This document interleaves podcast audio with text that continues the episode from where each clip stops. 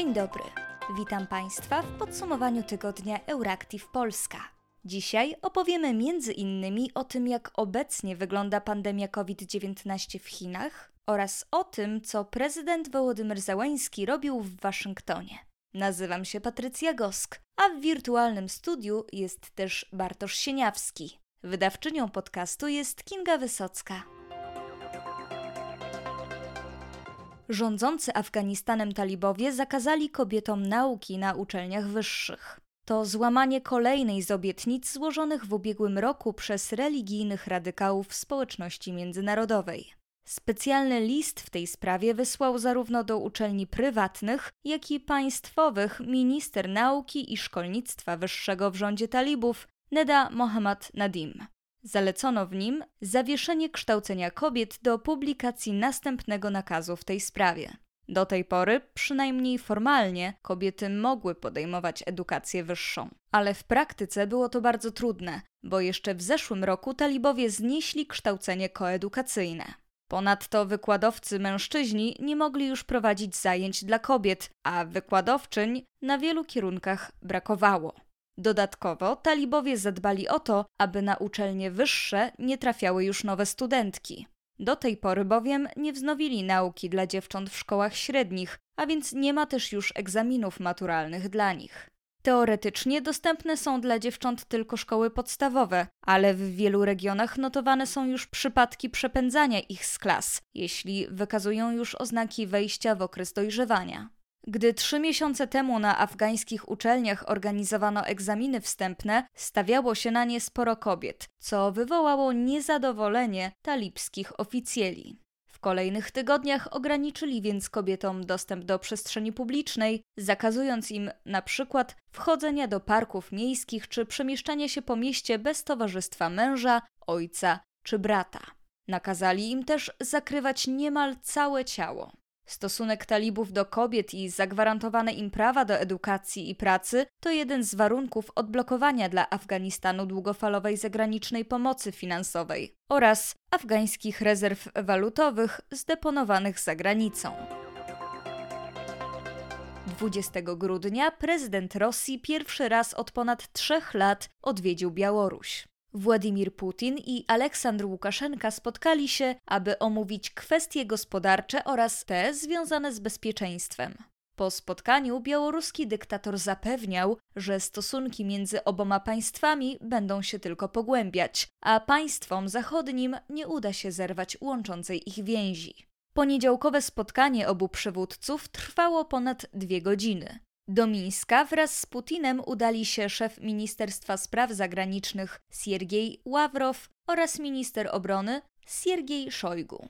Przed rozmowami Rosja zapowiedziała przeprowadzenie na Białorusi ćwiczeń taktycznych na poziomie batalionów. Według informacji przekazywanych przez białoruski MON w kraju jest 9 tysięcy rosyjskich żołnierzy.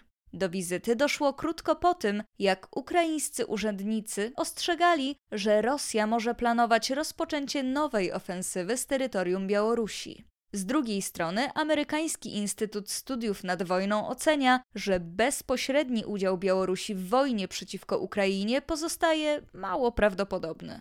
Wizyta ta podsyciła spekulacje, że przywódca Kremla może próbować naciskać na przywódcę Białorusi, by ten przyłączył się do ewentualnej nowej ofensywy lądowej na Ukrainie.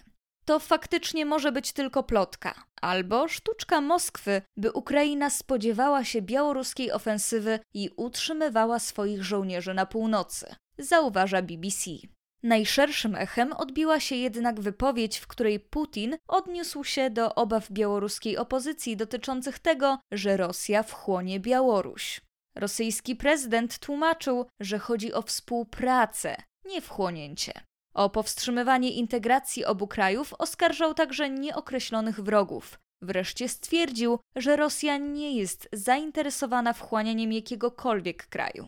Jak skomentował potem rzecznik Departamentu Stanu USA Ned Price, to szczyt ironii, zważywszy, że państwo to właśnie usiłuje wchłonąć Ukrainę.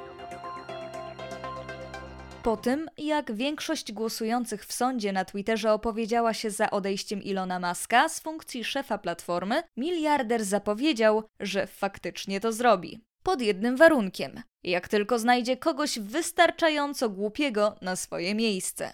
Za tym, by Elon Musk oddał stery Twittera, opowiedziało się 57,5% użytkowników. Łącznie głosy w trwającej 12 godzin sądzie oddało ponad 17 milionów osób. Zrezygnuję jako CEO, jak tylko znajdę kogoś wystarczająco głupiego, by wziąć tę robotę. Potem będę tylko kierował zespołami software i serwerów. Przekazał Musk po zakończeniu głosowania. Miliarder już wcześniej zapowiadał, że chce, by docelowo platformą kierował ktoś inny. Kupno platformy, za którą zapłacił 44 miliardy dolarów, Musk motywował chęcią pomocy ludzkości i walką o wolność słowa. Po jakimś czasie miliarder zaczął mówić wprost, że za nią przepłacił.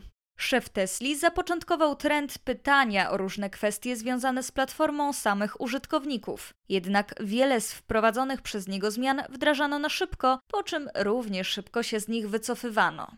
Ostatnio kontrowersję wzbudziła informacja o aktualizacji polityki Twittera, zakazująca prowadzenie kont, których celem jest promowanie innych firm z branży mediów społecznościowych. Wśród zakazanych platform znalazł się Facebook, Instagram, Mastodon, Truth Social, Tribal, Nostr i Post. Od kilku tygodni w Chinach bardzo szybko przybywa nowych zakażeń koronawirusem, a według nieoficjalnych informacji także zgonów z powodu COVID-19. Światowa Organizacja Zdrowia domaga się od władz w Pekinie dokładnych informacji o sytuacji. Po tym, jak władze Chin odeszły od bardzo restrykcyjnej polityki zero COVID, w państwie środka zaczęło szybko przybywać nowych infekcji koronawirusem. W całym kraju leczonych z powodu COVID-19 jest obecnie ponad 386 tysięcy ludzi, ale to znów tylko osoby, które chorują na tyle ciężko, że zgłosiły się po pomoc medyczną. Dlatego WHO zwróciła się do chińskich władz z prośbą o dokładne dane epidemiczne. Ich uzyskanie może być jednak trudne, bo w Chinach zniesiono już także obowiązek codziennego wykonywania testów PCR. Pełnego obrazu epidemii w Chinach zapewne więc nie ma. Podkreślił dyrektor do spraw sytuacji kryzysowych w WHO Mike Ryan.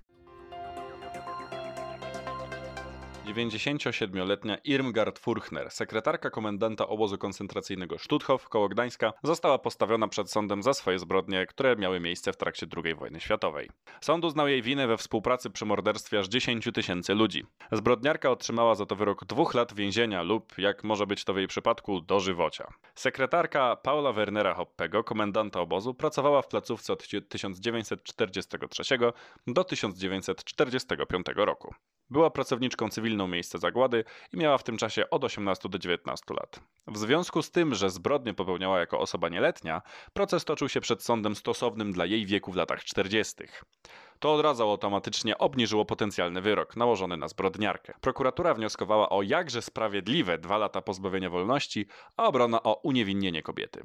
Ostatecznie sąd w niemieckim ICOE przychylił się do wniosku prokuratury i skazał kobietę na w pełni zasłużone dwa lata w zawieszeniu, jakże dobrze oddające wymiar zbrodni skazanej kobiety. Jest mi przykro z powodu wszystkiego, co się stało. Żałuję, że byłam wtedy w Stutthofie. To wszystko, co mogę powiedzieć, stwierdziła skazana. Żeby było ciekawiej, proces Furchner miał się zacząć rok temu, ale nazistka uciekła z domu starości taksówką i trzeba było ją znaleźć, co oczywiście w końcu się udało. Prezydent Ukrainy Wołodymyr Załański odbył pierwszą od początku inwazji Rosji na jego kraj zagraniczną wizytę. Polityk w środę dojechał pociągiem do Rzeszowa, skąd wyleciał samolotem do Waszyngtonu na spotkanie z prezydentem USA Joe Bidenem oraz na przemówienie przed amerykańskim kongresem.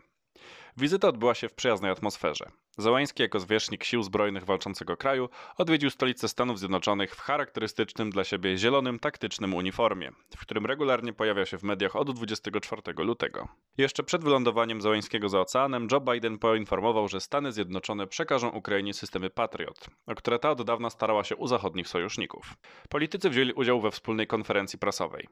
Ukraina może odnieść sukces na polu bitwy, a jeśli i kiedy prezydent Załański będzie gotowy rozmawiać z Rosją, odniesie sukces, bo wygra bitwę, stwierdził Biden. Sprawiedliwy pokój, który położy kres wojnie między Rosją a Ukrainą, nie oznacza żadnych kompromisów dotyczących terytorialnej integralności Ukrainy, jej wolności i suwerenności, podkreślił Załański. Prezydent Ukrainy udał się następnie na przemówienie do amerykańskiego kongresu. Dziękuję za finansową pomoc, którą już nam dostarczyliście i tę, którą będziecie skłonni zatwierdzić. Wasze pieniądze to nie dobroczynność, to inwestycja w globalne bezpieczeństwo i demokrację, którą zajmiemy się w najbardziej odpowiedzialny sposób, powiedział. Polityk skrytykował również współpracę Rosji z Iranem, kolejnym wrogiem USA. Następnie przekazał spikerce Izby Reprezentantów Nancy Pelosi ukraińską flagę z podpisami, którą dostał od swoich żołnierzy w celu przekazania amerykańskim sojusznikom.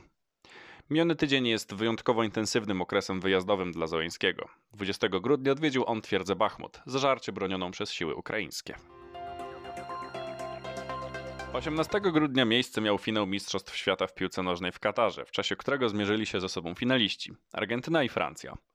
Mecz był wyjątkowo interesujący i przez wiele osób określany jest mianem najlepszego finału mundialu kiedykolwiek. W spotkaniu sędziował polski zespół pod przewodnictwem sędziego Szymona Marciniaka. Przez większość czasu gry Argentyna wygrywała 2-0, jednak w końcowej fazie meczu sytuację uratował Francuz Kylian Mbappé, strzelający dwie bramki. W dogrywce Argentyna strzeliła kolejnego gola, jednak sytuację ponownie uratował Mbappé, zaliczający w meczu hat-trick. Ostatecznie o wyniku rozgrywki zadecydowały rzuty karne, w których zwyciężyli Argentyńczycy. Zdjęcie wrzucone na Instagrama Leo Messiego, na którym piłkarz trzyma Puchar Świata, w ciągu zaledwie kilku dni stało się najczęściej polubionym postem w mediach społecznościowych w historii. Ma już niemal 72 miliony serduszek. Francuscy kibice nie przyjęli za dobrze wieści o porażce. W całej Francji doszło do zamieszek kibiców rzucających w policję kamieniami i petardami. Francuscy policjanci spodziewali się tego już po poprzednich meczach reprezentacji Francji, której kibice nie przepuszczali żadnej okazji, żeby tłuc się ze służbami porządkowymi. WOT taki sport narodowy. I mowa tu o bójkach z policją, a nie o piłce nożnej. Zatrzymanych zostało 227 osób. Sezon przeziębieniowy w pełni, a kraje Unii Europejskiej jeden po drugim orientują się, że nie mają na składzie antybiotyków. Oczywiście antybiotykami powinno się leczyć jedynie zakażenia bakteryjne, bo na wirusowe leki tego typu nie pomagają, tak dla przypomnienia. W każdym razie tylko dwa z 27 krajów Unii nie zgłosiło lokalnych niedoborów antybiotyków w swoich magazynach. Problem dotyczyć ma także Polski.